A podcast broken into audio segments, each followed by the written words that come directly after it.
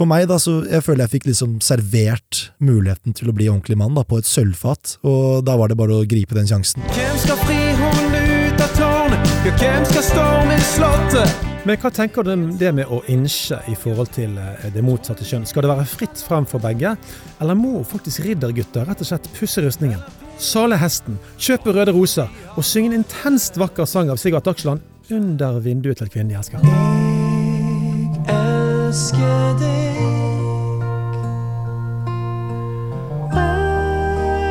Elsker du meg? Mot er jo et prakteksempel på en mann.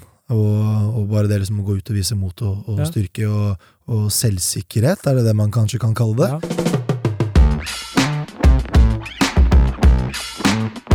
Du hører Mannspodden jakten på mannsidentitet. Bli med Andreas Skjelde og Einar Helgaas på din vei mot autentisk maskulinitet.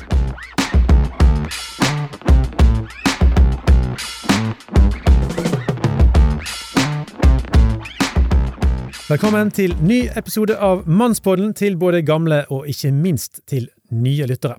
På 100% naturlig velklingende bergensk hører du altså Einar Helgaas her. Jeg vikarierer som vert, mens Andreas Skjelde dessverre måtte holde fortet der vest. Som vanlig jakter vi en trygg, autentisk mannsidentitet, og vi har omgud.nett i ryggen. Men det blir faktisk ekstra spennende i dag, fordi Kjetil, og hvordan sier man etternavnet ditt? Kirk. Så samme som en kirke. Kjetil Kirk. Nettopp, for at eh, faren min Kjetil, altså, vi sa jo bare Kjetil. Og plutselig så finner jeg ut at du har jo selvfølgelig et etternavn, så nå fant vi ut av hvordan det skulle sies. Men du, Kjetil, ble altså rikskjendis i høst. Jeg vet ikke om det ble mer enn du hadde tenkt, det, det får du si noe om seinere, men det her er jo et av Norges mest poppe reality-program, Farmen. Tusen takk for at du ville stille i studio. Tusen takk for at jeg fikk komme. Dette ser jeg veldig fram til. Du skal få lov til å presentere deg mer, men jeg har jo litt mer å si her i starten. Du vet, når du putter en femkroning på en bergenser, ja, da har vi det i gang. Men realiteten er at denne podkasten, som ble initiert av den unge, lovende gründeren Andreas Skjelde, som er like gammel som Kjetil her, den holder på å spre seg skikkelig godt rundt om i landet. Det er vi veldig oppmuntret av. Og på Apple Podcaster ligger vi allerede etter noen måneder i sving både høyt på selvhjelp og educational i forhold til eh, andre podcaster. Det syns vi er veldig gøy. Så bare fortsett å gi oss stjerner og kommentarer på Apple Podcaster, folkens, så kan flere bli med oss på reisen mot autentisk mannsidentitet. Men så har jeg lyst til å nevne at vi har fortsatt mange kvinnelige lyttere. Det syns sikkert du, Kjetil, òg litt interessant. Mannspodden med kvinnelige lyttere, hva er Det er fascinerende, er det ikke det? Ja, det er litt fascinerende. Disse nysgjerrige damene som Ja. har lyst til å få med seg livet vårt. De vil ha med seg hva som skjer hos gutter, skjønner du. Men dere er altså veldig velkommen. Men jeg tror òg litt av grunnen er at vi har veldig stor bredde i tematikken, og vi er faktisk ikke isolert sett eh, bare ute etter hvordan det går med mannen, men vi er særlig gira på å skape en vilt bra glød mellom norske menn og kvinner. Men jeg tror vi vil slite med å få til denne gløden hvis norske menn går rundt og er usikre og passive. Så det må vi snakke om, Kjetil. Kvinner vil ha oss mer frampå, og det legitimerer selvfølgelig en egen podkast for menn, sammen med en del andre grunner. Men hvis du er kvinne og hører på nå, og ikke helt forstår hvorfor du hører på Mannspodden, ikke vær skamfull! Skal vi bygge et solid Norge, som ikke sliter med at grunnmuren raser sammen i forhold til relasjoner, så må nemlig menn og kvinner finne dynamikken sammen. Altså, Kjetil, hva tenker du om det? Høres det fornuftig ut, eller er jeg helt på viddene? Nei, det høres fornuftig ut i mine ører, i alle fall. Ja, ok. Du fikk nesten lyst til å si amen, men eh, ja, sant? men ellers er vi veldig glad for alle meldingene vi får, både de som roser oss, og de som kommer med konstruktiv kritikk. Det aller kjekkeste er jo de som kommer med innspill til innhold, faktisk, som den unge damen i Oslo som hadde konkrete datingtips, Eh, og det skal vi eh, se òg mer på, folkens. Vi digger altså kontakt med våre lyttere, men jeg ser behov for å svare på en av merknadene til denne unge damen, for hun skriver nemlig Hei, jeg har et innspill til siste episode av podkasten deres. Dette kommer da fra en 30 år gammel aktiv kristen jente bosatt i Oslo.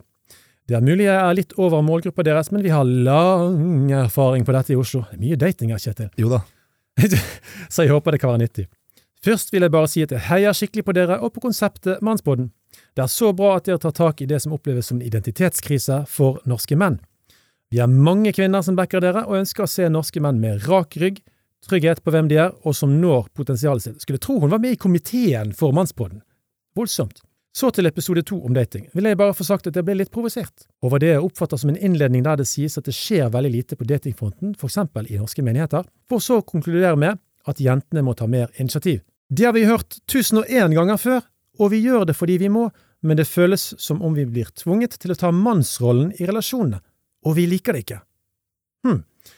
Selv har jeg snakket med flere attraktive kristne menn i 30-årene som sier at de aldri tar initiativ med noen hvis de tror de kan bli avvist. Kjetil, dette er veldig passivt, hæ? Det ligger tydeligvis noen dypere issues der, som stolthet og frykt, og jeg tenker at når dere endelig har en plattform for å adressere menn om dating, så er det mer nyttig å ta tak i disse tingene enn å legge ansvaret over på damene. Vi har våre egne arenaer der vi snakker om dette allerede. Ja, det visste vi, jentene de er flinke til å snakke sammen. De kommuniserer godt. Det går bra.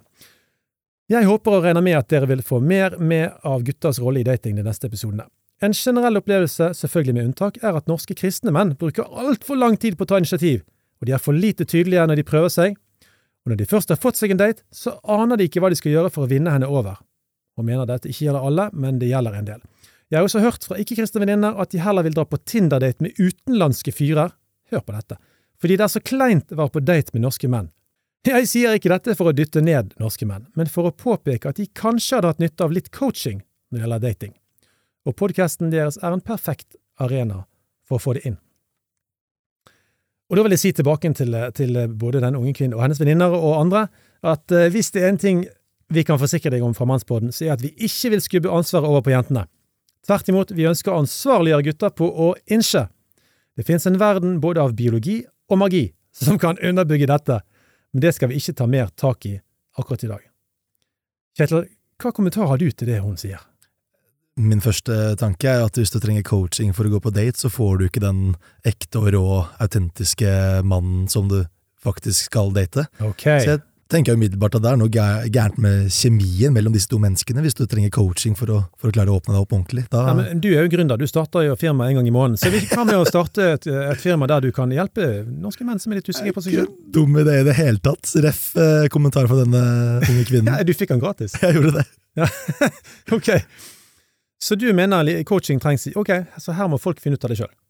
Ja, du må bare være deg selv? Ja, du må rett og slett være deg selv. Er det ikke derfor du drar på date? For å vise deg selv fra din side? Best Uansett om det er en, Du må vise din beste side, sant? Må vise litt dårlige sider òg, tror jeg. Ja, ok, for da blir du ekte? Da blir det ekte. Mm, jeg skjønner. Ja, dette må vi jammen tenke på. Men, men Kjetil, vil ikke du si at du tok et reelt ansvar på Farmen? Noen mener jo at du du og en jente der hadde Du har sikkert fått hørens tusen meldinger om der folk lurer på hvordan det går med dere, men det skal du få slippe å si, for det har du sikkert ikke lyst til. Men du sant? Ja? Eh, for all del, og så må det jo, som du påpeker, Einar, dette her var TV.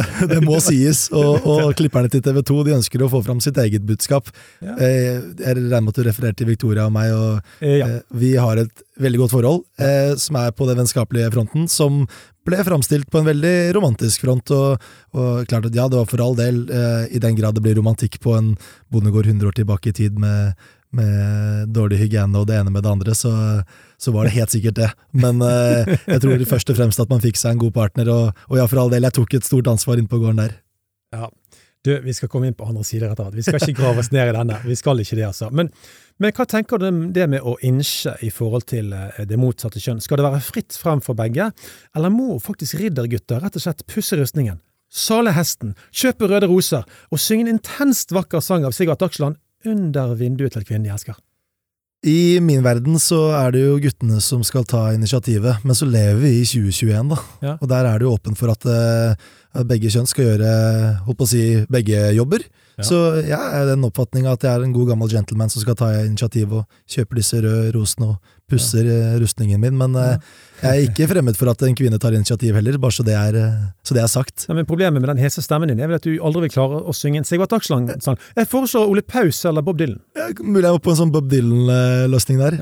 Ja. Men fortell litt om stemmen din. Den var jo litt sånn groggy. Ja da, jeg har fått en litt hes stemme. du jobber jo dag og natt, er det det som gjør det? Eh, kunne vært, men det er en yrkesskade fra innspilling på Farmen. På kjære tid. Jeg har rett og slett klart å få et eller annet virus på stemmebåndet som eh, doktoren prøver å finne ut av eh, hvordan vi skal løse. Det er eh, mulig derfor ikke alle kjenner igjen stemmen min eh, ved første lytt.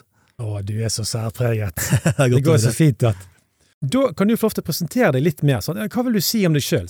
Eh, bakgrunn, jobb, fritid, eh, hva skjer?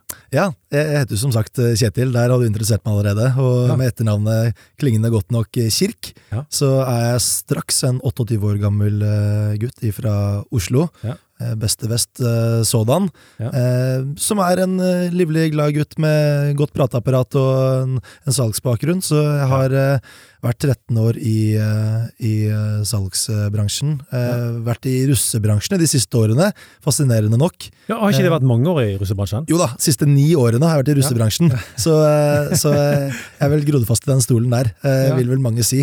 Men eh, sosial fyr, eh, som ja. gjerne, tar en, eh, gjerne tar en god trall og, og blir med på et eh, eventyr, og der kommer jo Farmen inn naturlig for min del, da. Ja. Som eh, et godt eventyr i disse koronatider hvor det ikke var stort annet å gjøre i sommerferien, så absolutt. Ja. Men du måtte vel søke ganske tidlig, så det var vel, eh, det var vel noen andre grunner til at du søkte Farmen enn det? Det er faktisk en fascinerende historie. Jeg var på det Jeg vil høre. Jeg var på det aller siste intervjuet som ble avholdt av casterne til Farmen, sammen med Inger Cecilie Ise, min eh, nåværende fadder, som vi helt sikkert skal komme tilbake på etterpå. Ok. Eh, så vi to var på det aller siste intervjuet som ble avholdt like borti gaten her på Holbergs plass. Eh, og nå teller vi tidlig juni, eh, hvis ikke jeg husker helt feil. Så eh, går det slag i slag, og i løpet av knappe to og en halv uke så har jeg fått beskjed om at jeg skal inn på denne bondegården eh, bare tre uker etterpå. Så her gikk Oi. det slag i slag. Så sjefen min fikk beskjed her i midten av juni, og i midten av juli så var jeg borte allerede. Så det, det var full fart, og, og egentlig ganske fascinerende historie, ref det du sier om at man må søke tidlig. Jeg var, eh, søkte siste søkedag, jeg var på siste intervju, jeg var den siste deltakeren som fikk beskjed at jeg skulle inn på gården, Ja. og rakk så vidt å komme meg i karantenen før jeg skulle, før jeg skulle sjekke inn. Ja. Så det er en fascinerende historie. Du store min, vi skal komme tilbake til David mot Goliat. Det må ja, vi også snakke om. Den blir fin. Men du, eh, har noen rare sider òg? Litt sånn fun facts og sånt? Oi, det har jeg helt sikkert. Våre og- lyttere elsker å høre sånt. Ja da, og eh, eh, jeg hadde helt sikkert en og annen eh, god fun fact hvis jeg hadde klart å vri den hjernebarken enda litt mer, men Ja, jobber du så mye at ikke du får gjort noe sånn virkelig rart? jeg er jo et eh, arbeidsjern, ikke likt som mine kollegaer på Farmen som står på hele døgnet rundt på den fysiske fronten, men jeg Ja. Klokker inn 12-14 timer på dette kontoret, da, da blir det jo fokus, et litt, fokus litt annet eh, ett, men ja, Ja, hva skal man si for noe? Jeg har levd et, levd, et, eh, levd et liv og vært med på en reise nå som eh, åpner en og annen dør, så Ja. eh, så er takknemlig for å være her, blant annet. Jo, aldeles nydelig, men da må jeg spørre deg, altså, hva var det liksom rareste, gøyeste som skjedde på Farmen? Oi. Eh, der skjedde det jammen mye. ja da, og det var veldig mye som skjedde uten at kamera var der også, må Ja. jo påpekes. Det er jo, For å gi bakgrunnshistorien på det, så, så er det ett kamerateam som skal dekke en gårdsplass på flere mål, Ja, ja. eh, og det er, ikke, det er ikke alltid like lett, da. Nei, nei. Så det skjer jo mye rart eh, off, off cam, og det, jeg tror det kanskje det, det aller rareste som, som skjedde som Ja, det kommer faktisk med på, på film òg, så vidt det var. Okay. Men det var under eh, min dåp, som vi helt sikkert snakker litt mer om også. Ja, ja. Så plutselig klarer denne lille stuegrisen å komme seg ut av gjerdet og sette fart ned mot oss, for da var vi alle samlet nede ved bryggen. Ja. Eh, med da disse to svære kuene på slepp Oi sann! eh, som skulle ha denne grisen. Eh, forhåpentligvis bare leke og være hyggelig med den, men eh, det var et spetakkel uten like. Og det, det kom så vidt det var på TV, men den, eh, den seansen der det er noe av det aller mest hysteriske jeg har vært med på. Du, du løp etter grisen for å hjelpe den, da, med latterkick. Fascinerende. Jeg kom ikke midt i en salme, da. Eh, jo, det er den gjør òg. Thor står og, og forteller og forklarer, og så, eh, og så eh, sitter vi og lytter, og så plutselig så hører vi eh, skrik fra Lotta, Ja. og da var det i gang. Ja, det er noen minner for livet for den Det er noen gode det sånn. minner, og en, en dåp utenom det vanlige. Det, absolutt, og det kommer vi tilbake til. Men grunnen til at vi ville spørre deg, er jo ikke bare fordi du er kjendis. Det er ikke bare sånn at vi hiver kjendiser inn i Mannsbåten sånn uten videre. Men du kan si, min kone og meg, vi har vært lite flinke. Altså Hvis det er en spesiell kompetanse å se reality-serier, så har vi lav kompetanse på det. Men fordi jeg kjente til uh, Tor, uh, så valgte vi å se Farmen for første gang. Men jeg kan si det sånn at jeg fikk sjokk, for jeg, jeg trodde det var ett program i uken. Mm. Plutselig var vi så langt bak. Og så tenkte jeg, Hæ? Tre og en halv program i uken? Ja. Det tar jo så intenst mange timer å se. Det var et vanvittig tidssluk, men eh, jeg skal være ærlig og si at det var veldig spennende å følge dere. Mest av alt fordi vi ble, vi ble kjent med dere Mm. inn på skinnet litt, da, selv om ikke vi så alt som var off-cam. Um, for det er jo sånn at personligheten vår den kommer ikke sånn skikkelig fram på høytidsdager med dress og kake. sant? Det er jo når vi virkelig blir prøvd. Er ikke du enig i det? Jo, jeg er helt enig i det. Du fikk vel sikkert kjenne sjøl på at uh, sider ved deg sjøl som du ikke kjenner så mye på til vanlig, blir prøvd der inne. Og så absolutt, og til de grader. ja. Men én ting som uh, vi la merke til, og særlig meg, det var at du kanskje ja, i en fire-fem av disse solointervjuene med deg, så snakket du om at du følte deg som mann innimellom. Ja. Du, du snakket om det, om det å være mann, at det var ting som hadde skjedd. Jeg vet ikke om du hadde gjort noe øksekasting eller et eller annet. Vi ble litt fascinert, og siden jeg har jobba med dette med mannsidentitet uh, i, i mange år, så ble jeg nysgjerrig på hva som uh, lå bak dette. Kanskje din reise til og med kan være til inspirasjon for andre norske menn. Så da spør jeg, altså, var det, eh, ble du med på Farmen òg på grunn av at du var liksom på jakt etter en eh, tydeligere mannsidentitet? Eh, utgangspunktet mitt var ikke det, men det ble det ganske raskt når jeg kom inn i en sånn maskulin gruppe. Og, Ja. og for alle som har sett Farmen, så så de jo at eh, vi kickstarter jo hele oppholdet med at vi er en halv dag alene på bondegården. Ja. Kun gutta. Ja. Og med mye testo og, og veldig mange maskuline karer. Ja, Jeg kan jo bare dra opp eh, noen eksempler i hatten med sånt som for eksempel Sindre. ja. ja. Eh, Raimond og Jostein og disse gutta her, da, som er veldig menn, og litt sånn, eh, ikke brautete, men eh, svære og mørke. Mm. Og så har du meg, da, som en ganske enkel bygutt som uh, setter pris på de små gledene i livet, Ja. og som egentlig bare jatter med og, og, og tenker at eh, her må jeg bare henge i stroppen. ja. Uh, hang jeg i stroppen ganske lenge, må sies, da, men eh, og, og da ble det liksom en sånn der, ok, jeg skal være med på det kjøret her, da. Jeg skal Ja. være med på dette løpet. og okay. og, der også så klart at som den eneste bygutten og, og den eneste fra, fra Oslo, så, så, så blir det jo litt sånn, det blir hakkekyllingen da, og det, Ja. det er en rolle jeg gjerne tar, ja, altså, for all del, men uh, da blir det også til at du må du må brette opp arma litt ekstra, og det er klart at med en gang det kommer bare eksempler som det å skulle tømme utedassen, Ja. så kan du ikke lure på hvem det er som må tømme den utedassen. Det var oppløst og vedtatt før oppdraget kom. Eh, så der var litt sånn sånn, ok, Kjetil Hierarki. ja da, og Kjetil skal på en reise for å bli mann, for jeg var bare en enkel gutt. Eh, og så ble det en større ting, og, og for meg så, så ble det faktisk en reise til å bli mann. Uh, så for min egen del så var det ekstremt lærerikt, og, og jeg vil også egentlig kalle det motiverende å få lov til å være Ja. inne disse ukene på gården. Men, men for å være helt ærlig, altså, eh, nå, nå vet ikke om jeg skal si at det er veldig trendy å finne ut av mannsidentitet i vårt samfunn, fordi man er jo gjerne ikke så veldig opptatt av, av, av mann, og gjerne ikke den byggende varianten. Altså, nå skal vi bygge norske menn, altså det gjorde man jo på 50-tallet, men det er jo kvinnene som er i, i vind og har vært det i, i 40-50 år. sant? Ja, Men, men du, du formidler jo på en måte en slags klassisk maskulinitet, ikke noen sånne der eh, metro... eh, altså, Forstår du meg? Ja.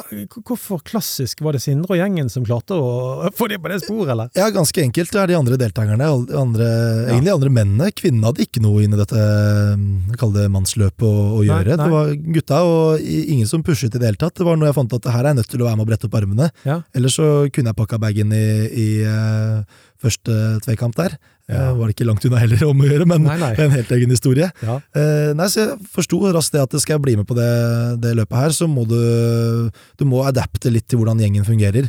Om Ja. det er bare mannsroller og, og militære regimer og det ene med det andre der inne, så, Ja. så blir det til at du må ja, rett og slett jeg vil kalle det adapte til den livsstilen som, Ja. som fungerer der inne. Enten kunne du vært en som bare var underdanig og bare tok doen og, Ja. og gikk rundt og var en pussekatt, Ja. Men nå jobbet jo du med å jobbe opp løve, løveidentiteten din. Rett og slett. Og det å være litt sånn ja, Jeg har aldri tatt i en hammer og spiker før, og, Ja. og jeg har aldri bygd noen ting, eller eh, Jeg har lagd mat og si, eh, gjort liksom disse jeg vet ikke om du kan kalle det for kvinnelige oppgaver, det er kanskje veldig det å sette i bås, men kvinnelige tradisjonelt kvinnelige oppgaver i alle fall. Ja. Så jeg var liksom stygt redd for at her ble jeg putta i bås med, med damene som han der bygutten som absolutt ikke kan noen ting. Ja. Så da var det viktig for meg det å være med og brette opp armene, rett og slett ganske enkelt, for å, for å sette litt spor i, i gruppa der. Og, og, og det handlet egentlig om den gruppa som var der Ja, inne. Og for meg så var det ikke noe mål om å formidle noe til TV-seere, fordi det glemmer du til tre dager. Tro meg. Oh ja, du, De- ja, det- i. Kameraer Liksom. og, og de første to dagene så er det ekstremt uvant å ha et kamera en halvmeter fra trynet ditt til enhver tid, Ja. eh, og at noen skal få med seg hva du sier. Ja. Og på dag tre så er det bare ok, der er han fyren igjen. eh, med det kameraet sitt, og han skal sikkert få med seg et eller annet rart som du ikke tenker på at skal formidles til en million TV-serie ut i det, det norske land. Men, men uansett, vi, eh, det ble, ble til at det, for meg så var det viktig å, å, å være med og, og ikke føle seg som en outsider, da, hvis det Ja. gir mening. Eh, For jeg har ikke lyst til å være noen, eh, noen outsider, jeg har lyst til å være med og adapte. Og Ja. da liksom, for meg, da, så jeg føler jeg fikk liksom servert muligheten til å bli ordentlig mann da, på et sølvfat. Og da var det bare å gripe den sjansen, og, og jeg har lært ekstremt mye. Ja, men Tor, eh, bygutt eh, Tor fra Loddefjord. Og vel, vel, bygutt og bygutt, men ja, det heter Ja, vel suburban, suburban, eh, Ja, holdt på å si. det heter vel nå kanskje det, men Ja. eh, Nei, men altså, han hadde jo ikke så mye erfaring, han heller, så du, du kunne vel kjenne litt igjen i han. Og jeg tror kanskje at Thor ehm, Jeg vet ikke om dette er riktig formulert, men slapp litt billig unna pga. sin kristne eh, bakgrunn og tro. Ja. Eh, og at ingen ønsket å pushe han i noen retning, eller bruke Ja. han som noen hakkekylling. Eh, og jeg skal ikke si her og sitte at jeg var en hakkekylling, altså bare så det jeg har sagt, men, eh, men, det ble jo det, men det ble litt deretter. Og, og jeg er en fyr som gir tilbake med samme mynt og vel så det, og sendte jo bare gutta hjem i tvekamp istedenfor, så, så det var nå helt Det var jo- greit. Eh, det var jeg som vant, men Det var jo en fryd å se på. det var sånn. det var fascinerende. Så, så, så jeg tror, eh, ja, med all respekt til Thor, eh, min gode venn, så, så slapp nok han rett og slett litt billig unna. Og så ble jeg eh, offeret Nå høres det ut som jeg sitter og snakker i en negativ setting, det gjør jeg på ingen måte. Men jeg ble han fyren som, som fikk gjennomgå. Og da tenkte jeg at det syns jeg bare var kult. Men det forandrer seg vel litt etter hvert, vel? Det gjør det. Din respekt i gruppen og, og, altså, men Jeg har jo hatt Dag Furuholmen her i studio og snakket om testosteron, og Ja. hva gjør det? og En, ting, en av de tingene gjør det, gutter har mye konkurranseinstinkt, og man har disse hierarkiene. Det er alltid en eller annen greie med at noen er over og noen er under. Kan gjerne si at det, sånn burde ikke det vært, men hva hjelper det hvis stoffene i kroppen vår eh, pusher oss i en sånn retning? Da må vi heller finne en måte å leve med det på. Du har helt rett. Og jeg har et ekstremt konkurranseinstinkt. Og, og jeg er en konkurransemann. Jeg, jeg har spilt fotball siden jeg kunne gå, ikke sant? Ja. Og, og ble med opp på et ganske godt nivå. Helt til jeg egentlig var Ja. eh, ferdig på videregående skole og vel så det. Det var lyn. Det var i Lyn, ja. Ja. Korrekt. Mm. Eh, var med på hele konkursen og hele pakka, så det var eh, det er en lang historie. Var med på å tape mot Brann tilbake i 2004 i cupfinalen og you name it. Så, så eh, Nei, det, det, det konkurranseinstinktet ligger liksom latent for meg, da. Ja. Og, og det er klart at det kicker i konkurransesituasjonen, og, og nå har jeg sagt det allerede et par ganger, men det er en grunn til at jeg vinner tre tvekamper. Det er at jeg, jeg har konkurranseinstinktet. Jeg hadde nok ikke de fysiske ferdighetene til å gjøre det, men det er konkurranseinstinktet som bare kicka inn. da. Og, og det liksom å, å gå litt inn i seg sjæl og ja, brette opp armene, da, det ble litt du sånn hadde en voldsom psykologisk styrke. der. Altså, du hadde en sånn utrolig Du lå der på denne der eh, store hyt, storkjempehytten. Nei, hva heter den hytten? Førstekjempehytten og andrekjempehytten. Ja. Korrekt. Du lå liksom der og og mante fram styrke inni Ja. deg, og så sikkert for deg scenarioer og, og, og, og, og eh, forberedte deg utrolig godt. Ja, rett og slett. Mens andre som eh, kanskje ble uttalt som Farmen alfahann-stemning, eh, kjente på at nervene tok, man tok han. Og det er, det er sannheten, og, og sånn som både Jostein i, i kamp 1 og Ja. Asle og Sindre, de booka under for presset, for jeg tror, jeg tror de kjente på det derre eh, hva om hvis om jeg taper nå? Og Goliat-presset. Ja, og Goliat-presset, Du, ja. er- du er den som skal vinne nå. Ja da. Og, og Den er tøffere enn man. den tror jeg var skikkelig tung da, for, eh, for disse gutta her. Og, og det var tre alfa- alfahanner som, som på ingen måte skal tape mot en sånn enkel bygutt som meg, på, Ja. på, under noen omstendighet. Ja, Og Også derfor bare- kunne du gå inn der, du, ikke, du- var du nervøs? Jeg var på ingen måte nervøs. Du var ikke Og- og det er, det er fascinerende delen at når jeg går inn i en kamp, så er det litt sånn du, du, du soner ut, du, du lokker ut alle omstendigheter, og du tenker ikke på konsekvenser. Ja. For hvis det øksekastet bare hadde kommet ett poeng lavere, Ja. så hadde det vært jeg som måtte hjem, ikke sant? Mm. Tenker du på det, så ryker du ut. For da kan du banne på at den øksa den går ett poeng lavere. Hvis du bare tenker at jeg skal vinne den kampen her. Det var det som var min enkle Ja, du tenkte jo det veldig tydelig. Jeg var veldig åpen på det òg. Så eh, morsom greie og fascinerende å se nå i ettertid. Fantastisk. Ja, veldig, veldig spennende å se hvordan vi eh, Altså, når du blir utsatt for et sterkt press, hva, hva skjer med deg egentlig? Og hvordan reagerer de forskjellige typer øh, menn, da. Ja. Enkelt og greit. ja. Men du, um, hva vil Altså, hvis du skal gå på litt dypere karakteristikker her nå, hva har du fundert på i forhold til hva, hva vil det si å være mann? Oi, den er dyp. Ja, jeg vet det, den er kjempefilosofisk, men vi kan ikke la være å gå dit, Kjetil. Nei, og, og for meg så er jo en mann er en stor og barsk kar og, med muskler og litt høy og mørk, og, og det er en mann for meg, da. Eh, en, en, en tøffing, rett og slett.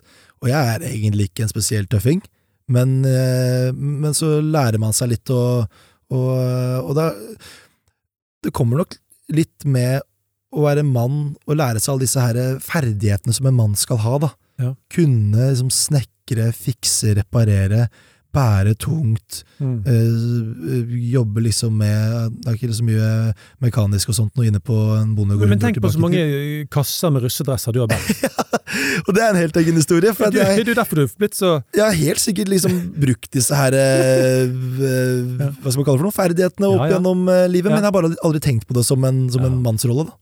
Sant, eh, Biologien her er jo at vi blir født forskjellig, Mm. og det er jo til og med menn som kn- knapt har skjegg. på en Mm. måte. Så hvis skjegg, eh, mørkt, eh, hardt, stivt skjegg skal være helt sentralt i maskulinitet, så er jo det av, fra naturens side mange som vil sitte. Og da troner jeg på toppen. Hæ? La troner jeg på toppen. Hvis ja. det skal være stort og mørkt Ja, skjegg. veldig bra. Der fikk du et ekstra poeng. Yes. Men vi må tenke på de som hører på, som ikke har det. Ja. Og da må jo det finnes andre karakteristikker. Hva med mot? Mot er jo et prakteksempel på en mann.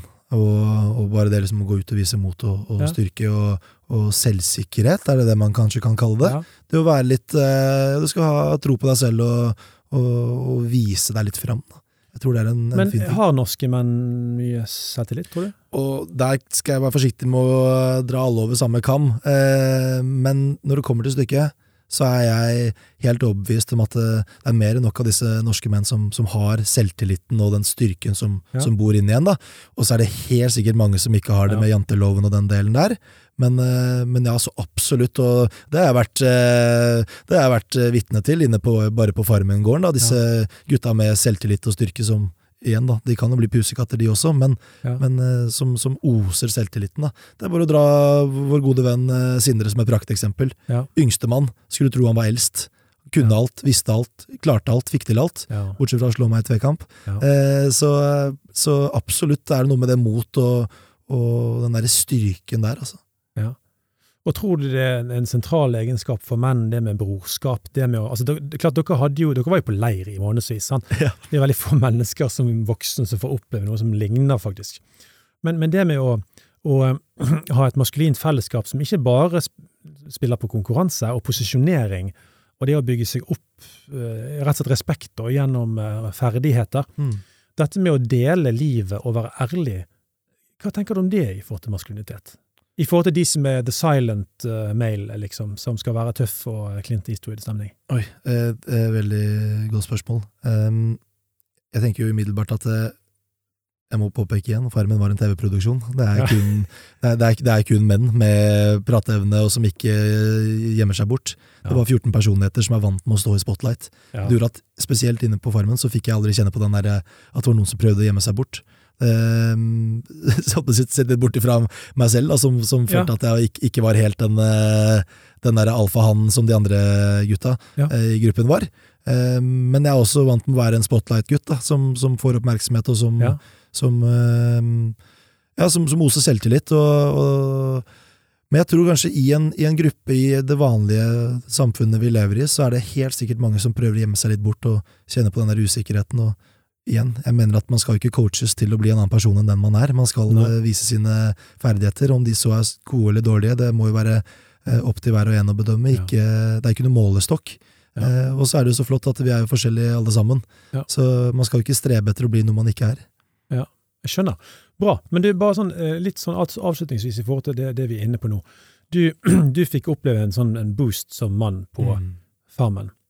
Eh, men, men jeg forstår det riktig at det, det går faktisk på mye av de veldig klassiske ferdighetene som, som, som øks fysisk arbeid. Ja. Men det har gjort noe med, med, med ditt forhold til, til hvem du er. Ja.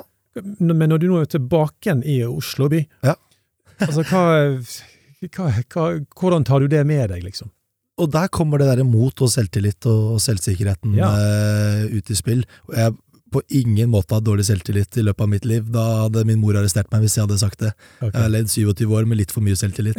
Men, okay. men, men du blir mye mer bevisst på, på det der, den selvsikkerheten og, og, og motet ditt. Og, eh, ref, eh, skal ikke jeg utlevere for mye, men du startet jo programmet her med å snakke om dating. Ja, jeg gjorde det. Eh, og nå har jeg vært forsiktig, for det har vært koronatider. Mm. Men den selvtilliten du har i en kommunikasjon med en annen dame, eksempel, Mm. Den har vist seg å være en helt annen enn etter å ha fått disse her Og det kommer nok mye av den derre lære seg disse fysiske ferdighetene som, som øks og saging og den delen der. da. Ja, ja. Hvor du liksom Jeg går litt med kassa i, opp og, nesa, ikke i været, men eh, jeg går ikke og titter ned i bakken, da, for Nei, å si det har, sånn. du har selvrespekt. Ja, selvrespekt, ja. Og, og, og man oser en, en, en selvsikkerhet og, og Mm. mot, og det er litt deilig egentlig å kjenne på.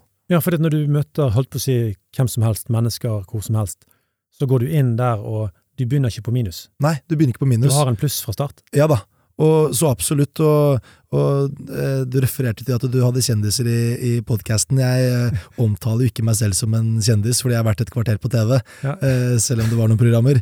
Det var sinnssykt mange! Ja, noe ekstremt òg. 73 tall, bare for å være pinlig. Så du har sikkert gått glipp av en annen. Men uansett.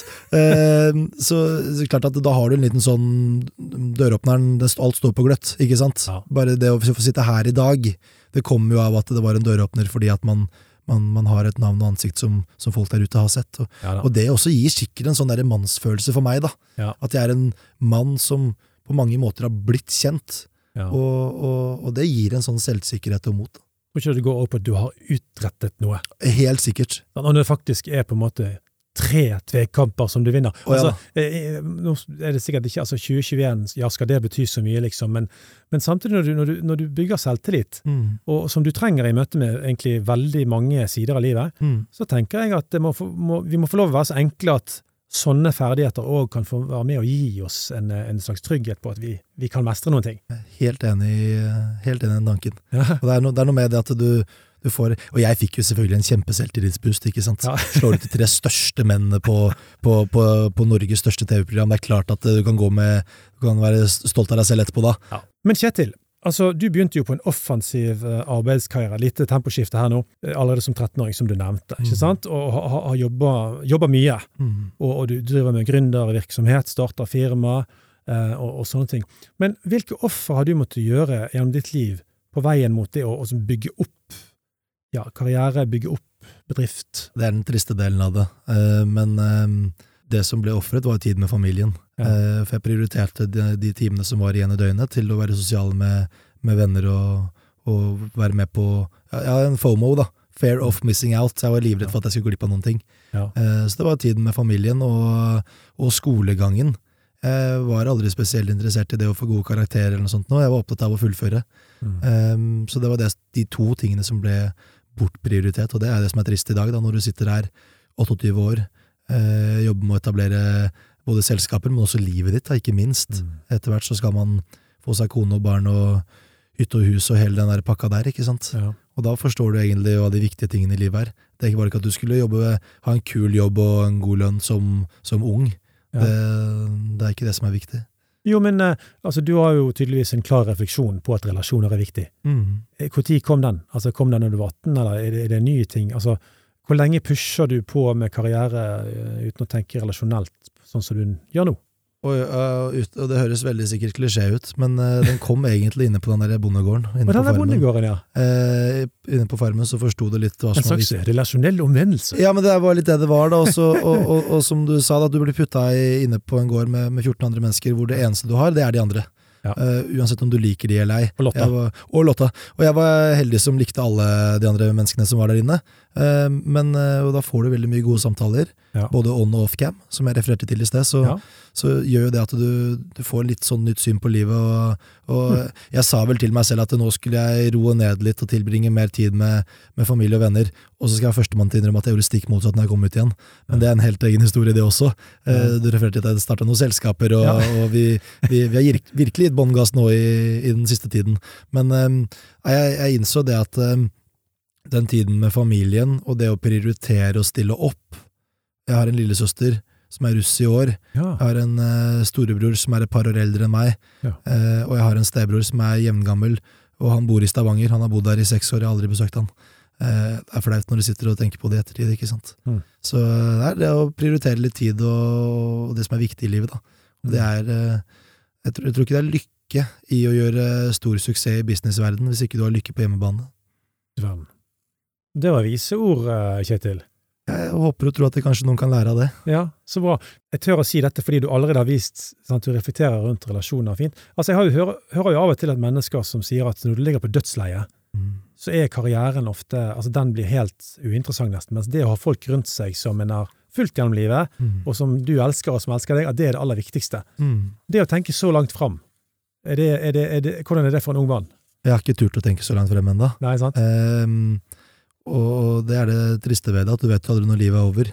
Eh, Nei, det kan du òg si. og, og det gjør at man eh, Man tenker litt på at du må tilbringe tid med de som betyr noe for deg. Mm. Og jeg tror ikke at det å ha gode tall i et eller annet Brønnøysundregister eh, betyr så innmari mye. Nei, Hvis du først ligger der, eller er oppe i himmelen, for den saks skyld. Ja. Så var nok ikke det som, som var utslagsgivende likevel. Det var alle de gode minnene du skapte med, med de som betyr noe for deg, og, og ikke minst det å føle at du har bidratt i en familie, og som en bror eller sønn, for den saks skyld. Ja. Veldig fint sagt.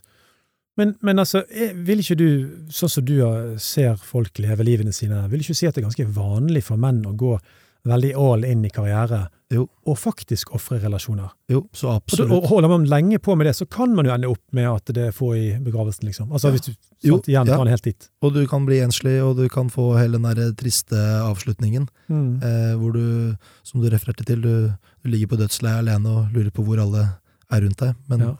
ingen stiller opp for deg hvis ikke du har stilt opp for den tidligere. Sånn tror jeg kanskje verden fungerer. Ja. Og nei, det er veldig sant det du sier der, og eh, det er sånne refleksjoner man gjør når, du, når det gikk opp for deg hvilke offer du har gjort da, fra tidlig alder av. Og nå vet ikke jeg om min mor vil si seg enig i at jeg har ofret så mye, men jeg kjenner på det selv. Og, og, um, og man, da gjør man veldig sånn klare tanker på at nå må du gjøre noen justeringer i livet ditt. Mm. Eh, Så det er litt fascinerende å si, da, men jeg flyttet faktisk hjem til min mor og, og far for et par uker siden. Ok. Eh, Det er egentlig av gründerårsaker, Ja. men det gjør jo at jeg nå får tilbrakt mer tid. Ja. Stilt opp og vært litt flinkere som en sønn og som en bror. Ja. Og det er jeg litt glad for å kunne si at eh, når du er 28 år, straks, så er det fint Ja. også å kunne være med på hjemmebane og så bidra til, til hus og, og hytte og den delen der for familien sin del. Da. Så bra. Ja, men det er så fint at du fikk en, eh, kom inn i en sånn periode nå, da. Ja, og apropos det å være mann, da, så da må du brette opp armene litt. Da, og, Nettopp. og da kan du ikke bare være sønnen i huset som er ti år gammel, ikke sant? da må Ja. du faktisk eh, klippe plen og male gjerdet og alle disse her refererte til typiske mannsrollen. Da. Ja. Det er jeg glad for. Ja, Og så får du litt mat, kanskje. Ja, det er også helt nydelig. Mor lager mye god mat. Men du, eh, som mannsguide så er jeg veldig opptatt av karakterbygging. Sant? Det å være til å stole på, at du slåss for andre, kan være et vern for andre til og med, for å si det på den måten. At du, at du er hel ved. Du eksempel ikke kompromisserer med dine egne verdier i møte med press. En ting som jeg syns er veldig inspirerende å se med din reise inne på Farmen, det og jeg tror ikke, jeg har aldri tenkt på at du hadde noe dårlig utgangspunkt, men når du ble storbonde, Mm. du var så veldig hel. Du var så opptatt av det beste for alle. Eh, Og, og er det noe som og, altså, Når kom sånne ting inn? For det, det er ikke noe en ungdom nødvendigvis gjør. Sant? Om Nei. å reise seg opp og være som en konge i fellesskap. Altså en god konge, da. Mm. Eh, det der er en sånn team spirit som jeg har med meg fra idrettsbakgrunnen. Jeg Ja. er en sånn veldig typisk eh, kapteinstype, hvis du forstår hvor jeg vil hen. ja, ja. Eh, og har egentlig vært det fra, fra veldig ung alder av. Eh, en, en klassisk leder. Om det er eh, elevrådsleder på skolen, eller eh, sjef på russebussen, eller om det er kaptein på fotballslaget, Ja. så har jeg alltid vært det. Hm. Eh, og det er sånne egenskaper som jeg er veldig glad for å ha. Og jeg vet at jeg nok selv har sett på meg litt mer som en gutt enn en mann, men de fleste ville nok kanskje sagt at det der har du en sånn, det motet og, og selvsikkerheten til å, Ja. til å kunne stå fram i bresjen og, og være lederen og hærføreren. Eh, Og, og det føler jeg selv at det kom veldig tydelig fram i min uke fem på, Ja, ja. som storbonde. Og veldig glad for at egentlig jeg fikk den muligheten til å vise det fram. eh, Både spesielt overfor de andre deltakerne, som jeg refererte til i stad. Du, du glemmer kameraer og at noen hjemme skal se på deg. Men eh, nå i ettertid også syns jeg det, det var veldig flott å kunne vise det egentlig for ja, Kanskje den beste jobbsøknaden du kan gi til folk, da, det er eh, Ja. den uken der. Hæ. Stilig. Men du, eh, Tor er allerede nevnt. Eh, Altså, hva, hva ville du sagt at eh, Tor Håvik betydde for eh, Farmen-oppholdet? Nå tenker jeg for hele gjengen først. Mm. Eh, Thor var jo med å skape egentlig hele fellesskapet og den derre kjemien mellom kanskje også mennesker som ikke nødvendigvis hadde så lyst til å være tett på hverandre. Brobygger. Eh, Ja, han var veldig brobygger, Ja. og, og egentlig kom dette her via hans kristne tro og måten han ønsket å formidle det på, og som ble vist på TV. Mm. Han, han gjorde eh, Vi hadde kveldsbønn, han hadde andakten, han hadde Ja. velsignelsen, ikke minst Ja. den natta velsignelsen han gjorde for, for, for oss andre. Det var med å skape en sånn der tro på at vi, vi sammen skal klare det her og, og komme Ja. oss eh, helskinnet gjennom. Jeg tror kanskje det var det som var eh, viktig for oss. Vi, vi, vi eh, Litt sånn eh, morsomt eh, å si, men vi hadde jo en kalender hvor vi krysta hver dag. For det var jo et klart mål. Ja. Og jeg skal ikke sammenligne det med å sitte i fengsel på noe som helst måte, men i den grad man venter på å slippe ut av, eh, av lenkene, så var det akkurat sånn det føles. At, at en dag så er du ferdig. Ja. Og det er klart at når du spiser havregrøt eh, for tredje uken på rad, så er det ikke like motiverende lenger. Men så visste du at nå er det ikke så innmari lenge igjen. Og, og Thor var med å skape det håpet og den, den troen på at vi en dag eh, eh, skal returnere til alle våre Jeg håper å si en dag skal Kjære. rettferdigheten seire. jo, men litt på den måten der, da. Og, og, og alle på en måte ønsket seg hjem til sine kjære, og, og man gråt en skvett i ny og ne fordi at man, man savnet det livet man hadde, og de, de der hjemme. Men, men Tor var veldig med å, å skape den der motivasjonen og den der troen på at vi, vi sammen skal få til, få til det her. Og ja, en veldig brobygger. Han Mm. var vel, kan egentlig kalle det for limet i gruppen. Ja, ok. Men, men en ting er jo ritualer. For ritualer er jo, er jo, er jo vakre og fine. sant? Mm. Men, men en kveldsbønn henvender jo seg til Gud.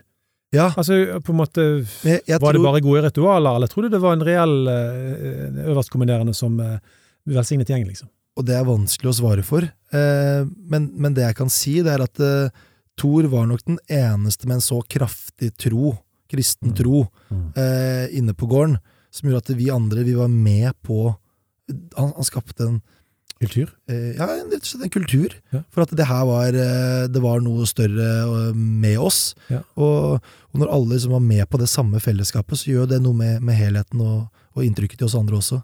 Så eh, ja, jeg vil rett og slett kalle han for limet i gruppen, og ekstremt betydningsfull for, for veldig mange, og i hvert fall for meg. Ja. Så, ja, men hva, det personlige, altså, hva, Ja. hva betydde det for deg personlig?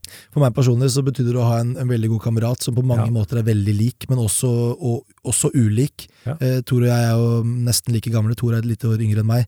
Eh, og eh, også en sprudlende karakter med, med prateapparat som er godt smurt, for å si det pent. Det. Så, ja, og når vi begynte å prate, så det gikk i, i hundre, eh, og vel så det.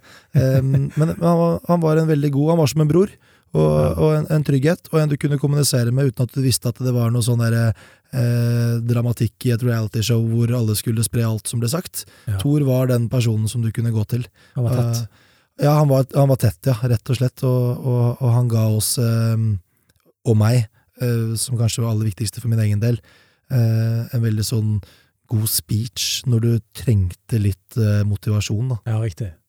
Han, han, var inne, han, han var der for deg, og, og stilte opp. Og det, Mm. det, er, det er stort, og det tror jeg jeg, kan snakke for flere når jeg sier at eh, oppholdet inne på et sånt camp, da, eller en, en leir, uten Thor, ville vært eh, en helt annen opplevelse. Er det noe av det du har tatt med deg videre, som, du, altså som et slags ideal, eller som en verdi, eller noe sånt? Eh, Ja, og, og, og det å stille opp for andre, og det å være sjenerøs og omtenksom, og høre hvordan andre har det, og ikke bare fortelle hvordan du selv har det, der har jeg eh, lånt mye fra Tor. Så nydelig. Men så, eh, Nå er det jo selvfølgelig flere som har fått med seg dette, men, men eh, hvis du skal fortelle bakgrunnen for at du ville døpe deg eh, on screen, eh, det er jo ikke så altfor mange som gjør det i dette landet. Nei. Og eh, bakgrunnen kommer av at min mor og far de ønsket at jeg skulle få velge selv om jeg ville døpes eller Ja. ikke. Og jeg syns egentlig det er en veldig fin uh, idé og en god tanke. Uh, og det var en tanke som jeg begynte å, å, å leke med da jeg var ni-ti år gammel og min eh, lillesøster skulle døpes. Så ville jeg egentlig være med på, på hele det, det Ja. løpet der, og, og døpes i, i, i kirken. Um, jeg husker ikke helt hvordan historien var, men det lot seg ikke gjøre av noen kapasitetsutfordringer. Ja. Jeg var veldig opptatt av at jeg skulle gjøre dette her sammen med min lillesøster. Ja. Eh, og det, det lot seg ikke gjøre. Og da ble det egentlig putta tilbake i den berømte glemmeskuffen. Og så eh, har jeg tenkt på det i senere tid, at eh, nå skal jeg etter hvert gifte meg. Jeg har lyst til å gjøre det i eh, Den norske kirken. Og, og jeg føler en tilhørighet til sånne ritualer som for eksempel det å gå i kirken på julaften etc. Mm. Det er sånne ting som er viktige for meg. Mm. og så var det litt fascinerende, for eh, jeg skal eh, for første gang fortelle det at eh, på TV så ble den, det spørsmålet om å døpe seg, det ble staget. Eh, for første gang så plukket vi dette opp under fotoshooten av portrettbildene. Okay. Da var ikke kamera til stede, naturligvis, Ja. eh, for det skal ikke ha med på TV. Men dag fem på gården så har vi en fotoshoot, hvor Tor og jeg er de siste som skal ta spiller av, og vi sitter bare og prater om, om livet og, og alt som skjer der ute. Mm. For du skal helst ikke kommunisere om ting på gården når ikke kameraet er der. ikke sant? Mm. Eh, og hvor jeg spør Tor om, om han har gjort For da var han i noe praksis av noe slag, så vidt jeg har forstått, Ja. eh, i, som prest. Og da forteller han at han har eh, eh, vært med, han har giftet, eh, vært med på giftermål, han har holdt begravelse, han har holdt konfirmasjoner, han har Mm. holdt barnedåp. Og så spør jeg litt rundt det barnedåp, for at jeg, jeg, jeg er nysgjerrig. da. Mm. Og, og klart at det ligger jo fordi at jeg selv tenker at jeg Ja. må nesten gjøre det her. Um, så spør jeg han om, om man kan døpes som voksen, og, og hvordan, er det, hvordan gjøres det? Og nei, det gjøres akkurat som en vanlig barnedåp, og, og hele den delen der hvor du, hvor du døpes i Faderens, Sønnens og Den hellige ånds navn. Ikke sant? Ehm, og hvor jeg egentlig spør Thor der og da, kan du døpe meg? Ja, det kan han gjøre. Og da tenker jo sikkert han at det betyr at han gjør det hjemme i kirken når vi kommer hjem. Ja, ja. Hvorpå spørsmålet mitt er, kan du døpe meg her og nå, typ? Og så forteller han da hele prosessen med hvordan dåpssamtalen foregår. Um, husker ikke alle disse navnene på, på disse tekstene og, Ja. og disse bøkene som du skal lese og bli Ja. fortalt. Men det, vi får da til en hel prosess med eh, bøker og disse tekstene fra 100 år tilbake i tid. Så det fascinerende er at når Tor og jeg sitter og snakker om denne dåpen under fotoshooten, Ja. så sitter produsenten, Tina, ekstremt dyktig kvinne, ved siden av oss og er sånn 'dette må vi ha med'. Så da blir det staged at jeg spør Thor om han kan døpe meg, vi har en, en samtale etc. Ja. Mye blir gjort offcam av arbeidet og, Ja. og det derre eh, apropos, apropos ritualer og eh, på å si eh, eh, forberedelser. Eh, men så får de med seg veldig mye på, på skjerm, og jeg syns det ble en veldig fin seanse. Og selve dåpen er jo live og uncut på, Ja. un, under episoden i, i uh, uke to der. Så um, det var veldig flott. Det var en nydelig opplevelse. Ja. Du, eh, hører du på Coldplay? Ja. Det er bra band her. Eh, Ekstremt dyktig. Fantastisk band. Men eh, nå skal jeg lese et sitat av vokalisten Chris Martin, så skal vi høre hva du syns om dette. I definitely believe in God. How can you look at anything and not be overwhelmed by the miraculousness of it? Det er veldig sant. Det er, det er, det er mye sannhet i det. og, og Jeg kan bare referere til meg selv, men eh, jeg husker veldig godt eh, da jeg lå ute på andrekjempehytten på Farmen i uke ni, Ja. skulle møte Asle. Uh-huh. Eh, så var det en ekstremt klar solskinnsdag. Ja. Og jeg lå som sagt ute på hytten, også inn mot gården. Mhm. Du får bare hele naturen i spill. Alt er stille. Du hører bare bølgeskvulp.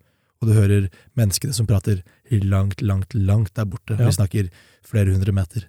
Mm. Eh, da sitter du i en sånn derre Oi, her er du med på noe større enn det du selv har kontroll på. Og da tenker jeg ikke TV-produksjon, Nei. tenker jeg verden. Så eh, det var eh, Det husker jeg bare som et sånt øyeblikk hvor du Og jeg har ikke vært noe flink til å bruke naturen og, og, og liksom stoppe opp og ta meg tid, da. Ja. Men klart at når du ligger isolert på en hytte i et døgn, Ja. da plutselig forstår du at det, det er noe der ute som er større enn deg selv. Så mirakelet som du refererer til Ja. fra, fra sitatet, det er den eksistensen vi er i. Og det er ganske rått å, å ta seg litt sekund å, og, tenke på. Og det får du ikke av trikkestøyen i Oslo by og, og eksosrøyk, altså. Du får det når du eh, ligger langt, langt ute på landet i, eh, i, i en solskinnsdag, og du, Ja. du hører bølgeskvulp, og, og du ser naturen rundt deg. Da forstår du hva du egentlig er med på. Så her snakker vi både om, eh, om altså Jeg regner med du syns at mennesket er et mirakel, Nettopp. Ikke sant? Men, men at naturen eh, gjenspeiler noe som eh, ikke kan være bare en tilfeldighet. Det er ingen tilfeldighet. Det, det, kan du, det kan du skrive det på. Ja. I hvert fall den. Og spesielt, vi er jo heldige, vi, vi nordmenn, da, med, med den naturen vi har her. Ja, er du galen. Det er fantastisk. Ja. Du, det siste vi skal gjøre, det er du skal få se en litt, en litt gøy skisse her. Ja. Som du skal få til å kommentere, og vi er igjen i dette med, dette med å være, både være menneske og være mann, egentlig. Eh, kan, kan du forklare lytterne hva du ser på denne tegningen?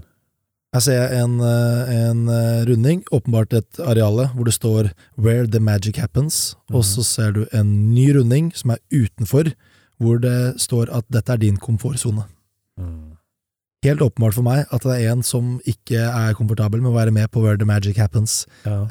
og føler seg litt utenfor, og tenker det at her må jeg utvide komfortsonen min for å få lov til å ta del i den større eh, moroa, rett og slett.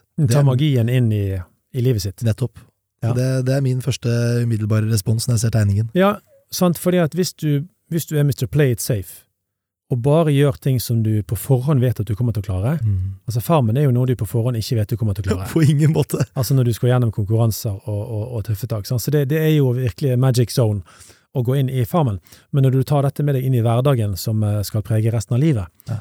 hvordan tenker du at du kan tenke ut av boksen og tenke at du kan få tak i noe magi i livet gjennom å ikke bare være i eh, komfortsonen? Eh, jeg tror kanskje det handler om å gripe muligheter.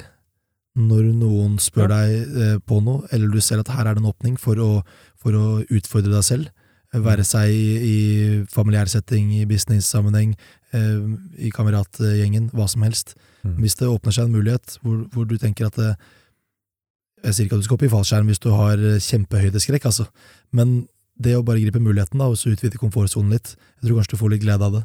Ja. Og, og du føler at du får eh, mestringsfølelsen og, og selvtilliten du trenger. Ja, og det vel litt viktig å være fornøyd med seg sjøl og si at jeg får til noe. Ja, absolutt. Ja, For det, det som jeg har snakket med flere om i poden allerede, er at eh, jeg tror at en manns hovedspørsmål er har jeg det som trengs Mm. for å få til livet, ikke sant? Yep. Og da trenger du å mestre noen ting, sant? For, det, for det, det gir deg en opplevelse av at ja, jeg får til noen ting, Og så trenger du nok å møte litt motgang òg, for å ikke bli satt på plass, men for å vite litt plassen din. ikke sant? og, eh, og, og der var jeg, husker jeg selv, da, eh, høyt ute og sa at jeg ikke hadde møtt noe motgang og noe greier. Eh, og eh, helt til du forstår at du har jo det, så du synger etter. Du hadde kanskje bare ikke selvinnsikt nok til å forstå det selv. Ja. Eh, så eh, ja, du, så absolutt. Veldig bra, Kjetil. Det var gode ord mot slutten av denne episoden av Mannspodden. Tusen, tusen takk for at du ville stille her. Tusen takk for at jeg fikk lov til å stille. Ja, nå tror jeg du eh, får være til inspirasjon til å bevisstgjøre ulike ting rundt det med å være mann for norske menn. Og til dere som hører på, som vanlig, del dette videre hvis du liker det, på sosiale medier, og vi ber jo alltid gutta, send denne til fem kamerater, sånn at de blir med oss på denne reisen. Instagram er nydelig, og i Facebook-gruppen vår der får du diverse fagstoff, eh, sildrende utover, som du kan kose deg med, videoer og diverse. Så følg Mannspoden fremover, folkens. Nå skal jeg takke for oss med det som de sier i Finland. Kitos nyt! Hvem skal fri mens du venter på neste episode, del gjerne Mannsbåden med fem andre menn, så de kan koble seg på jakten på mannsidentitet i en kjønnsnøytral tid. Hvis du ønsker å lære enda mer om denne tematikken, følg Mannsbåden på sosiale medier. Vi snakkes.